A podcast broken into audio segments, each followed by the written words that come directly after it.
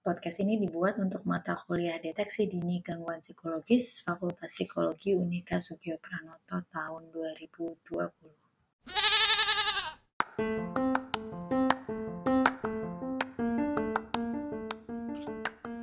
Oke, halo selamat siang teman-teman semua. Selamat datang di kelas Deteksi Dini. Dan hari ini kita akan berkuliah dengan podcast lagi. Sejujurnya ini karena saya ada jadwal tiga jadwal tabrakan bersamaan. Jadi uh, saya terpaksa membuat jadi podcast. Padahal materinya panjang sekali. Jadi teman-teman harap bersabar. Eh, teman-teman pasti sudah mendownload materi PPT uh, eh, apa namanya materi PPT yang tersedia di cyber. Nah, untuk kali ini satu materi PPT kita akan ada dua rekaman penjelasan. Jadi nanti untuk separuh bagian awal di PPT itu uh, akan menggunakan rekaman penjelasan ini. Terus nanti uh, ada kuis sebentar.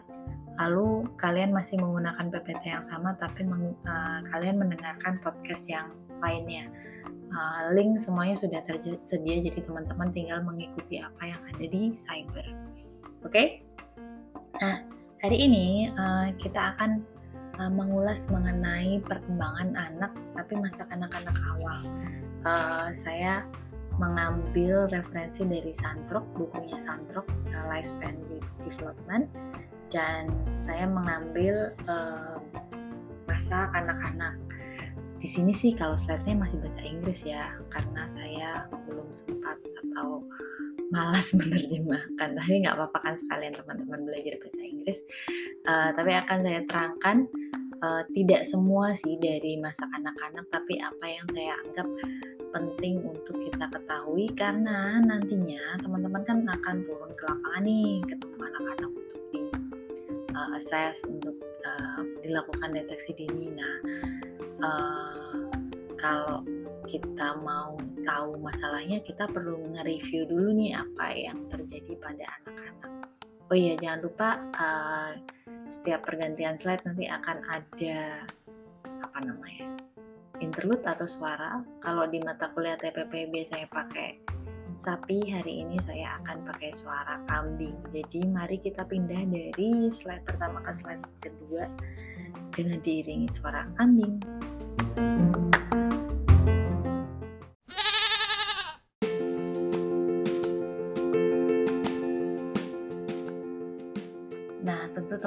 masih cukup ingat ya mata kuliah perkembangan manusia yang kalian pelajari waktu kalian masih awal jadi mahasiswa di psikologi. Nah, kan ada beberapa aspek perkembangan yang perlu kita pelajari. Nah, kita mulai dulu nih dari belajar aspek fisik atau perubahan-perubahan fisik yang terjadi pada anak-anak.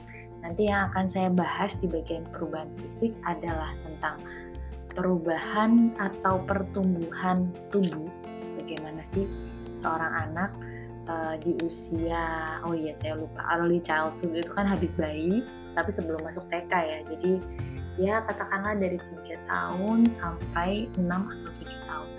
Nah uh, ntar kita bahas tentang pertumbuhannya uh, lalu perkembangan motoriknya lalu tentang tidurnya. Pola tidurnya sama nggak sih sama kalian? Pola tidurnya anak-anak yang masih bayi, eh bayi, masih kecil prasekolah. Lalu tentang nutrisi dan olahraga, perlu nggak sih anak seumuran itu olahraga? Dan juga tentang sakit atau bahkan yang sampai merujuk pada kematian. Nah ini adalah bagian dari aspek fisik, tapi nanti ada aspek-aspek lain yang juga akan saya jelaskan.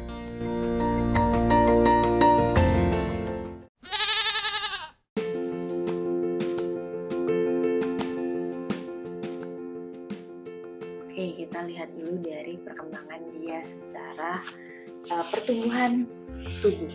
Teman-teman uh, pasti pernah ngamatin dong uh, adik-adik yang lebih kecil atau bahkan dirimu sendiri dari usia 3 tahun sampai 6 tahun uh, itu seberapa sih tinggimu berubah?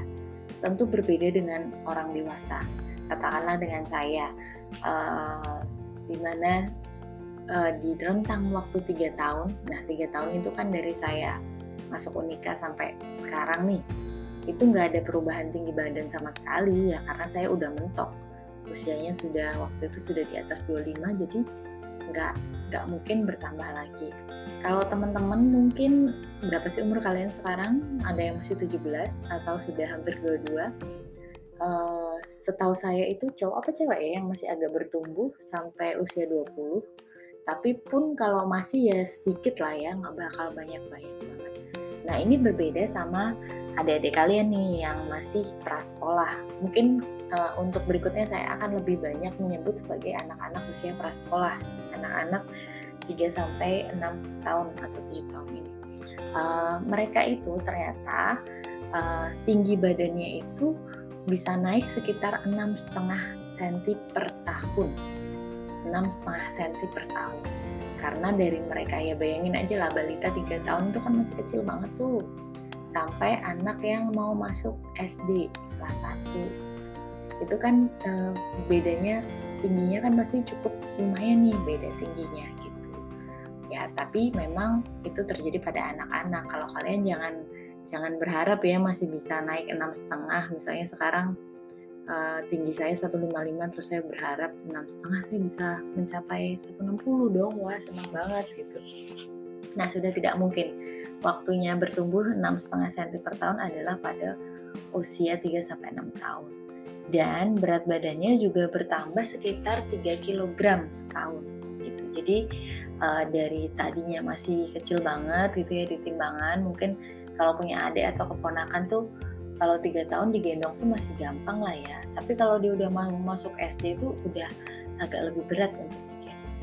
Nah, ternyata volume otaknya pun juga uh, bertambah gitu. Tadinya usia tiga tahun dia itu uh, volume otaknya itu sepertiga otak orang dewasa. Gitu. Tapi ketika dia sudah mau masuk SD, sudah mau enam tahun, itu ternyata otaknya itu sudah berkembang dan hampir volume otaknya itu hampir sama sama orang dewasa. Begitu, jadi cepat banget perkembangannya. Gitu. Meskipun memang stimulasi awal itu dari bayi ya, tapi uh, perkembangan otak juga masih terus berkembang volumenya di usia prasekolah ini.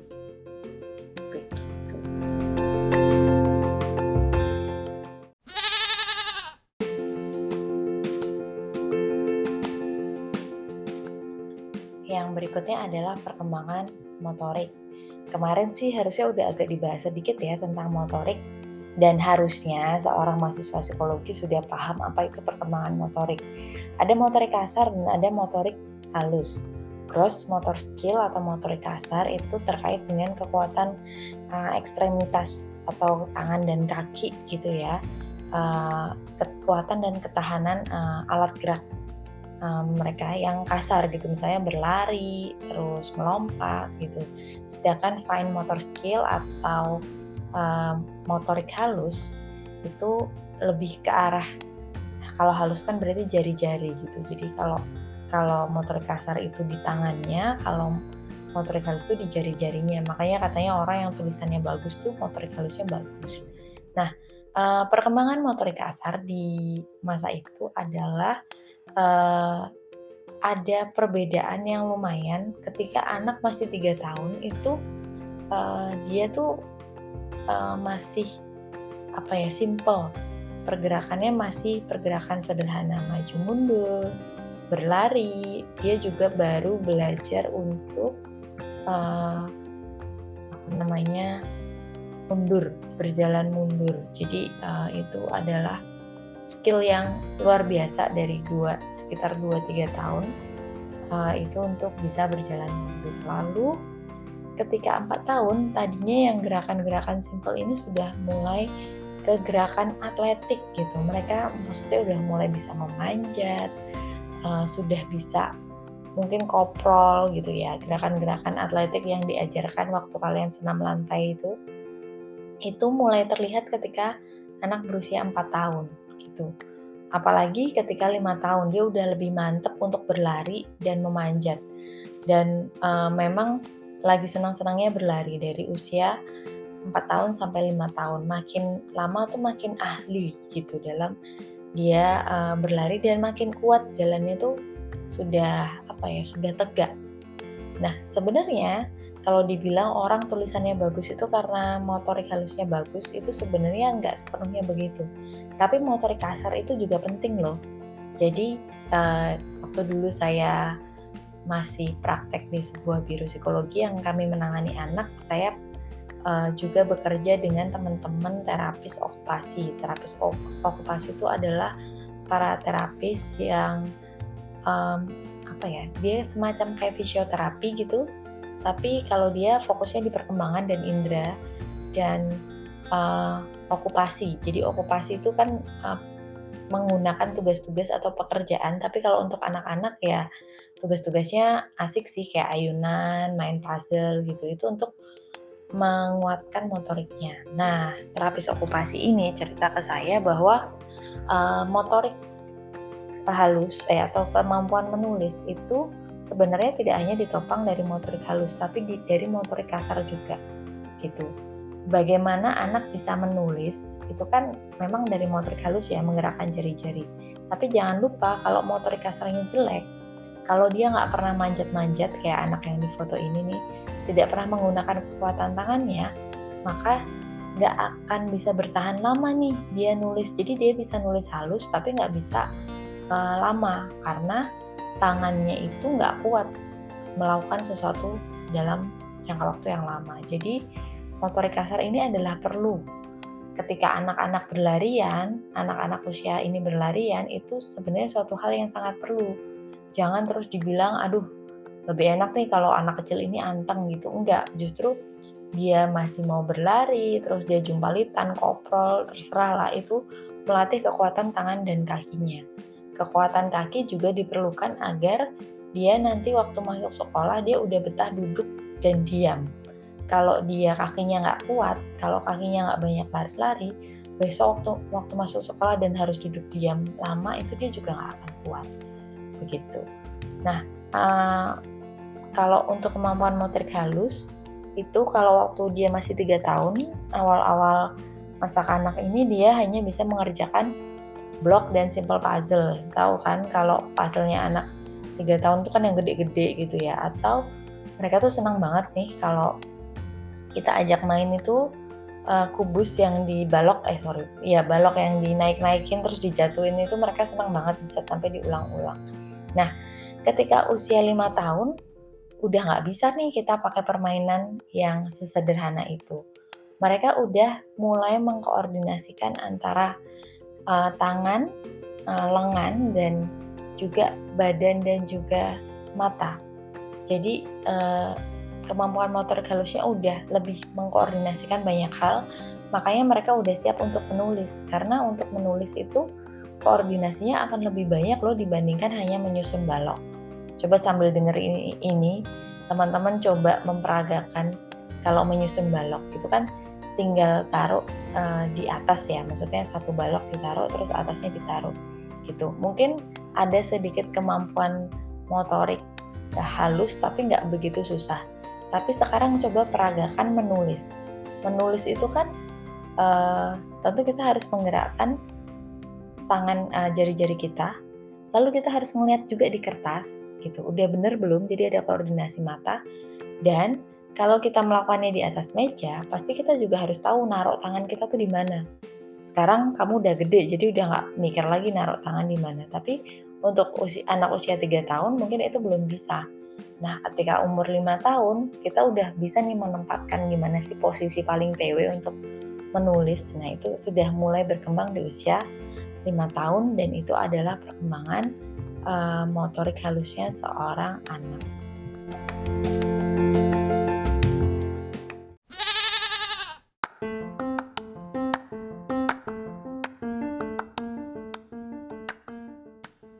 adalah soal tidur. Berapa lama sih? Berapa jam sih kalian tidur sehari? Eh kalau dosen itu tidurnya mungkin kadang bisa 6 sampai 7 jam itu menyenangkan sekali gitu. Kadang uh, eh, 5 mungkin ya atau bahkan ada yang hanya 4 jam. Semakin tinggi jabatan itu semakin sedikit waktu tidur gitu.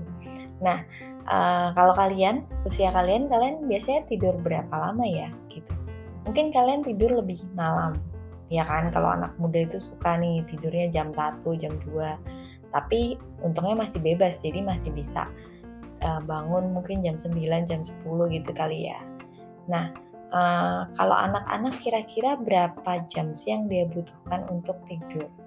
Gitu. Ternyata seorang anak itu wajarnya itu butuh 11 sampai 13 jam tidur tanpa diinterupsi. Jadi nggak bangun sama sekali gitu. 11 sampai 13 jam. Artinya ya katakanlah kita ambil jam 8 gitu ya jam 8 pagi sampai jam 8 malam loh. Eh sorry jam 8 malam sampai jam 8 pagi loh. Wow itu lama banget tidurnya gitu. Tapi e, memang butuh waktu segitu gitu. E, tidur yang sangat panjang. Dan masih ada juga e, tidur siang sekali jadi enak banget ya hidupnya ya 13 jam. Katakanlah dia tidur mulai jam 7 terus dia bangun jam 8 pagi. Nanti jam 1 mungkin dia udah tidur siang sebentar. Wow asik sekali gitu tidurnya. Nggak ada yang marahin juga nih kayaknya kalau anak kecil. Nah eh, tapi memang kita kadang-kadang mendapati ada anak-anak yang susah untuk diajak tidur. Nah Ternyata ada kaitannya antara anak yang susah diajak tidur dengan adanya permasalahan kondak atau behavioral, artinya permasalahan-permasalahan yang mencangkup um, perilaku yang tidak menyenangkan, perilaku yang ya kalau orang awam mungkin bilang nakal gitu ya, susah diatur, membangkang. Itu ternyata waktu tidurnya pun juga nggak kayak bocah-bocah lain yang seusianya gitu. Jadi dia nggak mau cepet-cepet diajak tidur begitu. Tapi ingat ini adalah keterkaitan atau korelasi. Kita tidak tahu mana yang mempengaruhi apa. Apakah kurang tidur yang bikin dia jadi punya masalah perilaku atau masalah perilaku yang bikin dia kurang tidur itu kita tidak tahu. Begitu juga dengan hal lain yaitu uh, durasi yang durasi tidur yang lebih sedikit. Itu juga terkait dengan uh, berat badan berlebih pada anak-anak. Tapi sekali lagi kita nggak tahu mana yang menyebabkan. Apakah karena dia kurang tidur, terus dia makan terus gitu seperti kita ya kayaknya ya, atau karena dia udah kegemukan lalu ada mekanisme atau mungkin metabolisme dalam tubuh yang membuat dia jadi nggak bisa tidur cukup lama. Nah kita tidak tahu. Tapi yang pasti memastikan bahwa seorang anak prasekolah ini mempunyai uh, waktu tidur yang cukup itu adalah hal yang penting. Memastikan dia istirahat yang cukup itu adalah hal yang penting untuk pertumbuhan dia ke depannya. Kalau dari kecil tidak dibiasakan tidur dengan baik, maka ke depannya juga akan lebih kacau gitu. Bukannya saya bilang pasti buruk sih, tapi uh, ketika dari kecil dibiasakan pasti juga akan membantu dia ketika nanti bertumbuh uh, menjadi anak-anak, remaja, atau bahkan dewasa.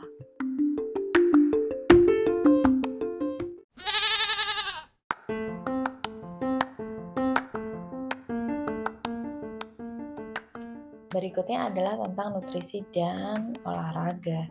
Nutrisi dan olahraga ini penting loh untuk anak-anak. Apa yang dimakan sama anak-anak itu sangat berpengaruh pada terutama pertumbuhan tulang, bentuk tubuh dan kerentanan dia terhadap uh, adanya penyakit gitu. Jadi kita perlu memastikan bahwa anak-anak usia prasekolah ini uh, makannya cukup dan makannya bergizi sehingga uh, pertumbuhannya pun baik gitu. Nah, uh, tentu teman-teman ingat mungkin waktu TK, TK kan juga bisa dibilang prasekolah itu kan banyak banget sesi makan bersama dan sesi makan bersama ini apa ya banyak makanan bergizi. Kalau waktu saya TK sih saya ingat banyak banget kacang hijau tuh sering dikasih gitu. Nah sekarang coba teman-teman lihat anak-anak zaman sekarang di mana makanan kita udah mulai modern gitu. Ternyata ini penelitian ini mungkin tahun 2000-an awal ya itu aja 45% uh, makanan-makanan anak itu melebihi rekomendasi lemak uh, yang seharusnya diterima oleh anak-anak. Jadi ini bisa meningkatkan resiko adanya kolesterol yang tinggi dan ya bisa memicu adanya serangan jantung. Meskipun ini baru muncul nanti, suatu saat nanti gitu. Karena apa? Makanan kita kan udah lebih bergizi tuh. Terus kayak keju-kejuan terus apa ya yang kolesterol tinggi itu goreng-gorengan banyak sekali. Itu sudah lebih banyak dibandingkan waktu orang-orang lain uh, maksudnya generasi sebelumnya itu masih anak-anak gitu. Katakanlah kalau zaman saya uh, eh, KFC itu masih jadi makanan mewah. Kalau waktu kecil sih uh, saya nggak begitu suka KFC eh maksudnya belum begitu populer KFC yang populer zaman saya itu waktu itu masih Texas dan McDonald.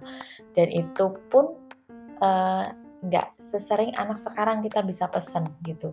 Tapi ya mungkin hmm, dua atau tiga bulan sekali kalau ada yang ulang tahun gitu mungkin bisa ya. Karena memang termasuk makanan yang mahal dan juga jarang dan memang masih banyak varian makanan lain yang masih alami gitu. Nah, masalahnya sekarang bukan cuma si McD, bukan cuma KFC, tapi juga kalau teman-teman masuk ke Indomaret, ke Superindo gitu ya, pasti kan banyak banget tuh jajanan anak-anak gitu. Nah, jajanan-jajanan itu juga mengandung yang namanya gula. Saya nggak tahu sih di buku Santrok disebutinnya tentang kolesterol ya, tapi gula itu banyak. Karena saya punya keponakan yang uh, dari kecil, dari SD sudah ketahuan dia diabetes Ternyata karena dia sering minum susu kotak Ultramilk dan memang orang tuanya punya resiko diabetes yang tinggi gitu. Jadi uh, hati-hati memberikan makanan pada anak-anak sekarang karena jangan sampai dia berlebih. Yang penting makanan itu memang seimbang. Begitu. Jadi terutama makanan-makanan yang bergizi. Nah, gimana cara memberikannya? Ternyata eating behaviornya anak-anak ini, jadi uh, kecenderungan dia berperilaku makan itu tuh sangat-sangat terpengaruh dari caregiver atau orang lain di sekitarnya. Bisa orang tua, tante, om, kakaknya, tetangganya yang deket sama dia gitu. Nah, kalau misalnya kita dibiasakan makan dengan senang, makan sayuran dengan senang, makan buah-buahan dengan senang, maka kita akan terbiasa gitu. Cobalah teman-teman lihat cara kalian makan sekarang pasti juga ter apa ya namanya terinfluence dari orang tua kalian. Nah, dan ini belum tentu apa yang dimakan orang tua kalian kalian juga akan suka. Tapi bagaimana orang tua kalian juga menyajikannya ke kalian. Katakanlah saya, saya jujur saya agak susah makan buah yang mas uh, ber ini nih berair gitu ya kayak, kayak buka jeruk tuh saya males banget buka jeruk karena saya nggak suka tangan saya kena lengket-lengket. Nah, uh, padahal orang tua saya suka nih dengan buah-buahan, tapi karena dari kecil saya gampang geli dengan lengket-lengket itu, kalau misalnya kayak pisang gitu kan nggak lengket itu masih nggak apa-apa. Atau kalau makan uh, semangka atau pepaya tapi pakai garpu sih masih nggak masalah gitu. Nah, karena orang tua saya mungkin suka buah-buahan, tapi dia nggak nggak biasa dengan melihat saya yang cician gitu, akhirnya mereka akan membukakan uh, mengupaskan itu gitu membukakan mengupaskan buah-buahannya. Akhirnya apa? Saya jadi males makan buah gitu.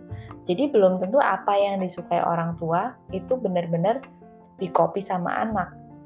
Bukan hanya apa yang dia sukai tapi bagaimana orang tua membantu anak untuk berproses juga uh, menyukai makanan itu gitu untuk uh, mau makan makanan itu. Jadi mungkin teman-teman yang takut sama sayur misalnya nggak suka makan sayur bukan berarti orang tuanya nggak suka makan tapi proses menyuruh kalian makan sayurnya itu mungkin agak membuat tertekan atau terlalu memanjakan. Kalau seperti saya kan saya agak termanjakan.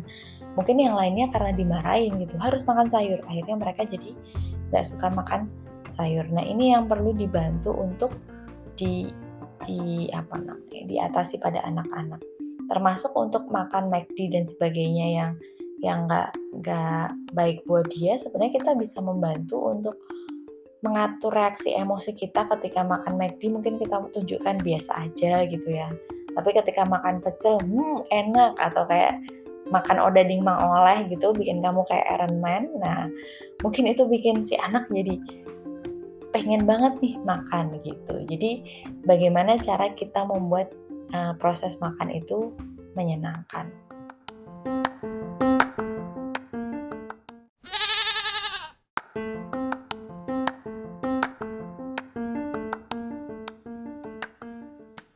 Nah, masih kita masih ngomongin tentang nutrisi nih. Kalau tadi saya ngomongin yang bisa makan KFC kan pasti orang mampu ya gitu. Nah, uh, apa yang terjadi pada anak-anak yang berasal dari keluarga yang kurang mampu atau sosial ekonomi statusnya rendah gitu. Nah, kadang-kadang ada uh, kondisi yang bernama malnutrisi.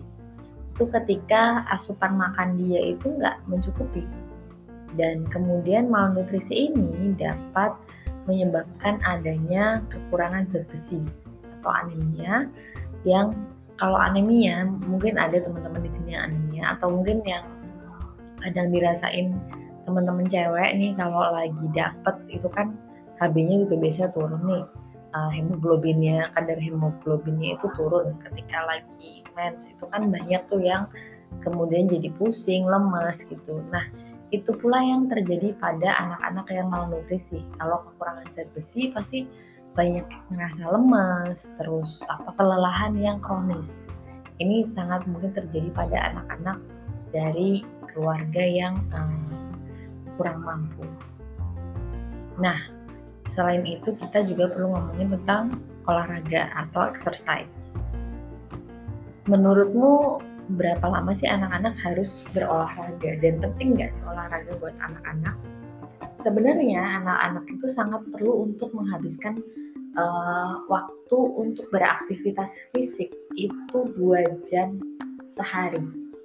Jadi benar-benar dua jam sehari itu aktivitas fisik dibagi di satu jam itu uh, aktivitas fisik yang terstruktur dan satu jam itu benar-benar unstructured atau dia bebas mau lari-lari mau ngapain itu terserah gitu. jadi memang perlu seperti itu karena tadi juga untuk perkembangan motoriknya gitu tapi coba teman-teman ingat-ingat ya anak-anak sekarang apakah mereka sudah cukup punya waktu untuk dua jam aktivitas fisik ini?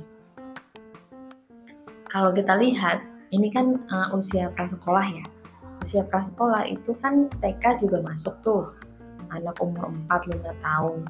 Uh, masalahnya adalah banyak TK yang sudah mulai mengajarkan anak untuk duduk mengerjakan sesuatu padahal itu belum waktunya. Apalagi kalau harus baca tulis uh, hitung-hitung itu belum waktunya. Justru masa ta uh, taman kanak-kanak itu masanya dia berlari-lari terus belajar permainan. Saya nggak tahu sih apakah uh, zaman kalian masih ada mainan gobak sodor atau jek-jekan kita baru paham sih usia 6 tahun mungkin ya baru benar-benar paham aturannya. Tapi di usia uh, prasekolah ini anak-anak kecil sudah bisa ikut bermain. Biasanya kalau kalau saya namanya bawang potong atau anak bawang gitu ya uh, dia ikut-ikut aja gitu. Tapi ini adalah fase yang penting. Nah kalau kalian lihat pada anak-anak sekarang udah TK-nya ngitung-ngitung waktu pulang orang tuanya juga nggak mau anak-anaknya ribut. Jadi uh, dikasihlah gadget. Nah ini sebenarnya hal yang yang nggak baik. Jadi sekali lagi pastikan anak-anak prasekolah itu punya waktu untuk lari-lari jumpalitan terserah uh, terutama dua jam. Satu jam kalau bisa terstruktur satu jam benar-benar terserah gitu. Uh, kalau kalian takut barang-barang di rumah berantakan atau apa ya justru orang dewasa di sekitarnya yang perlu mengkondisikan kondisi rumah agar tidak menyakiti anak-anak dan memberinya ruang gerak untuk bermain.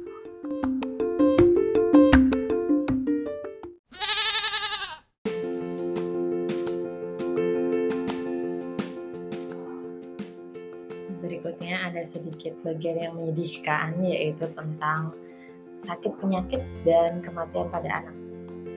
Uh, ini sih karena bukunya Santrok dan Santrok itu kan dari luar jadi dia punya datanya dari Amerika di Amerika ternyata uh, penyebab utama kematian anak itu adalah uh, kecelakaan kendaraan bermotor gitu uh, jadi uh, kebanyakan yang menyebabkan anak meninggal itu ya karena kecelakaan baru setelah itu ada kanker dan masalah kardiovaskuler misalnya jantung atau yang lainnya. Kanker pada anak memang ada banyak. Gitu. Dulu saya sempat mendampingi anak-anak yang uh, mengalami kanker di Jogja waktu itu. Selama saya kuliah itu juga mendampingi anak-anak kanker itu paling banyak dari mereka itu mengalami yang namanya ALM limfoblastik leukemia atau leukemia limfoblastik akut itu bahasa Indonesia-nya. Uh, yang itu banyak terjadi pada anak-anak atau lansia. Hanya kalau di anak-anak sebenarnya uh, terutama di negara maju ya uh, prognosisnya cukup baik. Maksudnya masih masih bisa disembuhkan jika uh, kita disiplin dengan pengobatannya dan ya ada faktor-faktor lain juga sih. Tapi masih mungkin bisa disembuhkan itu jenis leukemia ALL itu jenis leukemia yang paling banyak terjadi. Bukan cuma leukemia dan jenis kanker yang paling banyak terjadi pada anak-anak. Tapi tetap saja sih kalau anak-anak lebih banyak meninggalnya justru bukan karena penyakit tapi karena kecelakaan. Nah saya nggak tahu deh kalau di Indonesia ya tapi uh, mengingat bagaimana kita juga ya teman-teman lihatlah di jalan gitu ya banyak kan orang tua yang anaknya bonceng di tengah terus berdiri atau orang tua yang bawa anak kecil jalan-jalan uh, si orang tuanya sendiri terus anaknya mungkin masih bayi gitu ya dibawa jalan-jalan di pangku bapaknya satu tangan kiri megang anaknya tangan kanan pegang gas. Itu serem banget sih menurut saya. Apalagi mereka sama-sama nggak pakai helm uh, ini adalah suatu hal yang uh, mengerikan kalau menurut saya. Nah, uh, kalau menurut Santro, banyak sebab kematian anak-anak ini bisa sangat-sangat bisa dicegah dari uh, pengurangan kemiskinan, artinya pengentasan kemiskinan. Kalau uh, kayak tadi yang baru saya bilang, orang tua yang mengajak anaknya keliling-keliling naik motor, anaknya masih bayi, dua-duanya nggak pakai helm gitu, uh, ya kadang kita bisa sinis dengan hal seperti itu tapi kadang saya juga menyadari bahwa untuk orang-orang ekonomi menengah bawah itu uh, hiburannya yang bisa dia dapat ya cuman keliling-keliling naik motor. Makanya kan banyak cabai-cabean terong-terongan itu ya keliling-keliling naik motor. Karena mereka nggak punya hiburan lain gitu hiburan yang mereka punya ya cuma itu gitu. Coba kalau mereka punya uang gitu ya mereka terus bisa beli mobil dan mobilnya yang uh, angka keselamatannya tinggi pasti mereka juga mungkin akan melakukannya. Lalu selain uh, itu selain tentang pengatasan kemiskinan juga tentang masalah peningkatan nutrisi sanitasi edukasi dan uh, pelayanan kesehatan. Kalau hal-hal ini bisa dioptimalkan kematian pada anak itu bakal bisa dikurangi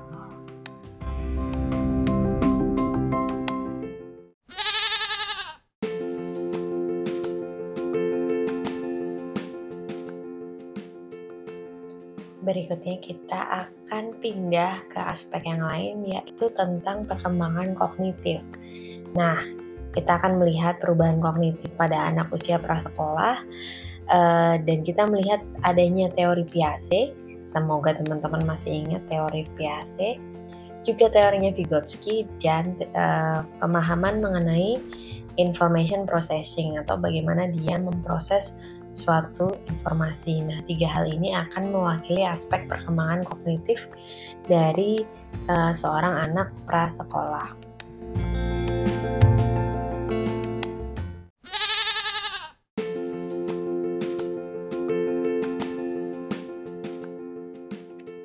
Nah, kita mulai dari Piaget. Masih ingat nggak teori Piaget? Kalau bayi baru lahir, maka dia masuk di sensori motor, tahapan sensori motor, di mana dia menyerap semua informasi, memproses semua informasi itu dari uh, indera-indera yang dia punya. Jadi dari hal-hal yang dia pegang uh, atau sesuatu yang dia kecap gitu kan. Nah, itu sensori motor. Ketika anak sudah lebih dari dua tahun, maka dia masuk pada tahapan praoperasional. Nah, tahap praoperasional ini adalah tahap kedua dari tahapannya PAC yang ada pada anak usia 2 sampai 7 tahun ya kira-kira umur segitulah. Dan pada tahapan ini ada dua tahapan uh, sorry dua sub tahapan yaitu yang pertama symbolic function uh, lalu yang kedua adalah intuitive thought. Nah, symbolic function itu apa? Jadi pada sub tahapan ini anak-anak usia 2 sampai 4 itu mengalami uh, pola pikir tertentu yang berbeda dengan orang lain. Yang paling terkenal adalah egocentrism atau uh, bahwa dia itu hanya berpikir dari sudut pandang dia. Misalnya nih kalau ditanya, apakah kamu punya kakak? Punya, aku punya kakak. Gitu. Terus kalau ditanya, kakakmu punya adik nggak? Dia nggak paham nih, apakah kakak yang punya adik. Karena itu dari sudut pandang si kakaknya. Gitu. Tapi kalau dari sudut pandang dia, dia bisa paham bahwa aku punya kakak, aku punya papa, aku punya mama, itu dia bisa. Tapi kalau uh, mama anaknya berapa, mungkin dia masih agak bingung gitu. Uh, karena dia belum bisa memandang dari sudut pandang orang lain. Lalu hal lain juga yang terjadi pada symbolic function adalah apa yang disebut dengan uh, animisme, tapi ini bukan animisme kepercayaan ya tapi bahwa anak ini dia senang me, apa namanya memanusiakan objek lain. Terutama sih kalau yang kelihatan boneka-boneka kali ya. Jadi misalnya kalau punya boneka siapa ini si Bobo si siapa itu dia bisa merasa ini tuh seperti orang dan bisa diorangkan. Dan ketika misalnya kita membacakan buku cerita di mana ada tokoh-tokoh harimau, tokoh lumba-lumba atau tokoh apa pun, dia tidak bisa membedakan bahwa uh, tokoh itu adalah binatang yang bukan manusia yang uh, sebenarnya tidak bisa berbicara seperti itu gitu. Tapi dalam pikirannya di masa ini dia masih merasa hewan-hewan itu memang berbicara layaknya kita manusia berbicara, uh, berinteraksi atau bahkan kayak SpongeBob itu bisa masak di bawah laut itu ya. Nah, dia dia tidak paham bahwa itu tidak terjadi.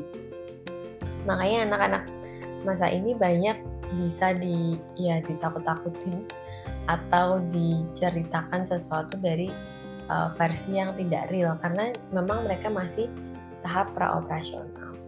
Nah, ketika usianya sudah empat tahun, dia akan mulai memunculkan uh, pola pikir yang mulai kritis, dia akan mulai banyak bertanya. Ini kenapa, kenapa begini? Itu apa? Ini apa? Ini bagaimana? Nah, uh, pertanyaan-pertanyaan ini biasanya memang muncul di usia TK atau 4 sampai 7 tahun. Ini adalah suatu penanda dia akan naik ke fase berikutnya yaitu operasional konkret. Tapi di fase 4 sampai 7 tahun ini dia bertanya dulu nih gitu. Jadi masih bertanya dan mencoba memahami. Rasa penasarannya sangat tinggi. Lalu selain itu ada yang namanya centration dan conservation. Jadi uh, centration itu ya pola pikirnya masih terpusat dan uh, konservasi masih susah. Jadi kalau membedakan dua benda, misalnya ada satu bola yang besar sama eh ya sama dua bola yang kecil, mungkin atau itu roti gitu ya satu roti yang besar sekali sama dua roti yang kecil dia masih merasa yang lebih banyak itu dua roti yang kecil meskipun kalau di jumlah tidak akan melebihi satu roti yang besar ini gitu nah konservasi uh, atau pandangan dia tentang perubahan bentuk seperti itu masih belum muncul di masa ini dan itu adalah hal yang wajar dan adalah tahapan yang memang seharusnya terjadi pada anak di bawah 7 tahun.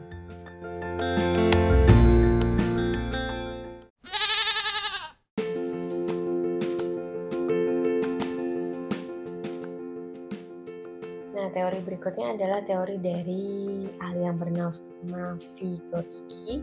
Sebenarnya mirip sih teorinya tentang kognitif juga, tapi kalau Vygotsky ini sudah lebih banyak menyentuh uh, sudut pandang sosial. Jadi di kalau biasa itu kan melihat ke individu si anak, tapi Vygotsky mempertimbangkan bahwa ada loh peran-peran orang lain di sekitarnya yang bisa mengoptimalkan hmm, kognitif si anak ini gitu. Nah, salah satu yang terkenal dari Vygotsky adalah adanya zone of proximal development, di mana dia merasa bahwa sebenarnya anak tuh punya satu kemampuan nih, tapi masih bisa dioptimalkan ketika ada guidance dari orang lain. Jadi uh, ada bantuan dari orang lain. Jadi mungkin nggak teoritis kemampuan anak tuh itu gitu. Tapi ketika misalnya orang tua membantu, mungkin perkembangannya akan lebih naik. Nah, ada juga yang dia sebut sebagai scaffolding, di mana kalau misalnya anak sudah lebih baik di suatu skill, maka bantuan harusnya dikurangi sehingga dia akan lebih mandiri. Tapi kalau dia masih belum bisa, maka bantuan harus ditambah agar dia lebih mengerti. Nah, selain itu yang sering diomongin sama Vygotsky adalah adanya private speech atau uh, ketika anak-anak itu nggak batin, tapi dia ngomong apa yang dia rasain. Mungkin kadang-kadang ngomong sendiri gitu. Nah, uh, kondisi ini justru menunjukkan adanya anak yang lebih ekspresif, lebih uh, apa namanya mau bersikap terbuka dan uh, bisa mengutarakan apa yang dia rasakan. Jadi adanya private speech ini sangat uh, banyak terjadi pada usia 4 sampai 7 tahun di mana ini adalah proses dia meregulasi apa yang dia pikirkan dan uh, kemudian akan dia lakukan mungkin tapi dia kan perlu mikir nih makanya dia masih perlu ngomong. Uh, makanya untuk uh, membaca dalam hati untuk anak-anak TK itu kan masih agak susah ya tapi akan lebih mudah bagi anak yang sudah SD karena anak TK masih susah nih untuk batin gitu ya dalam hati nah itu adalah private speech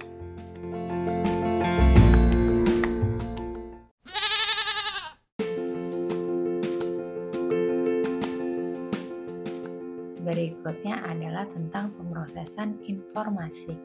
Nah, uh, ada beberapa sih hal yang terkait dengan pemrosesan informasi, tapi saya akan singgung atensi dan memori saja ya. Uh, teman-teman pahami nggak bagaimana sih atensi anak-anak usia prasekolah?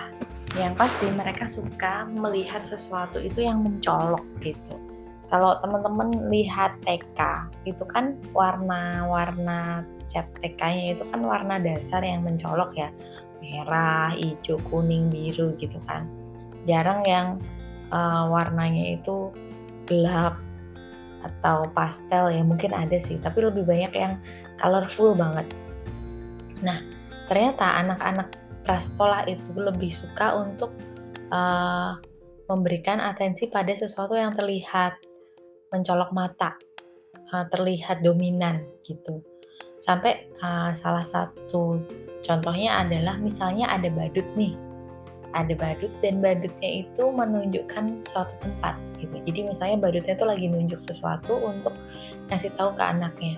Nah, perhatian si anak ini bukan pada apa yang ditunjuk, tapi pada badutnya karena badutnya tuh uh, lucu atau menarik perhatian mereka banget gitu. Jadi cara mencari perhatian anak-anak adalah dengan menunjukkan sesuatu yang uh, mencolok gitu. Atau kalau dengan orang dewasa berinteraksi itu mereka lebih suka orang-orang dewasa yang ekspresif.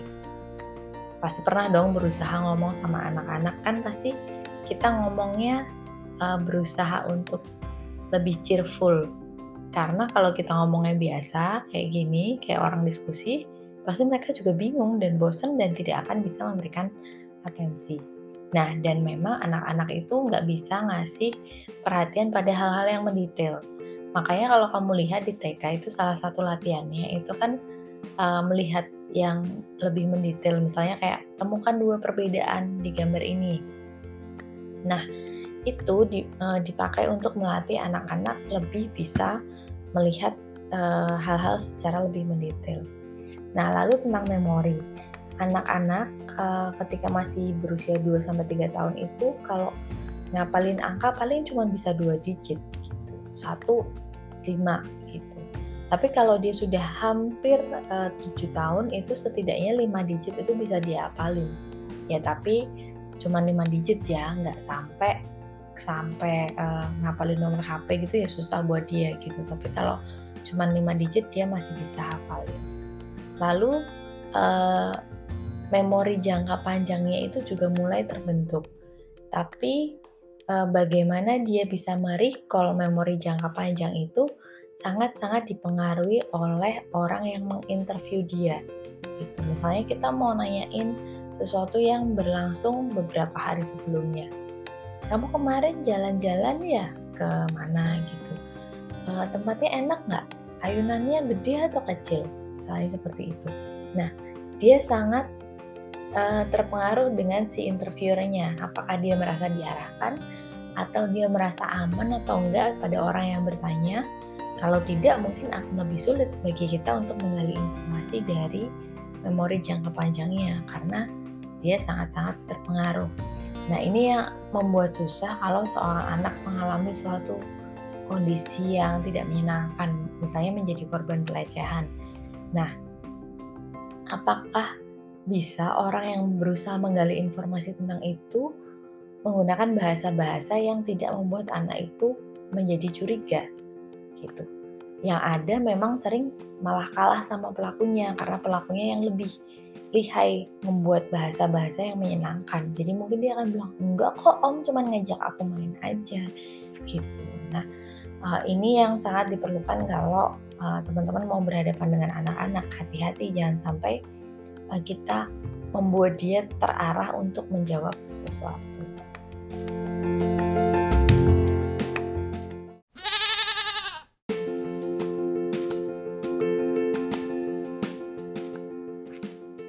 Nah, sekarang kita sudah selesai sih membahas dua aspek.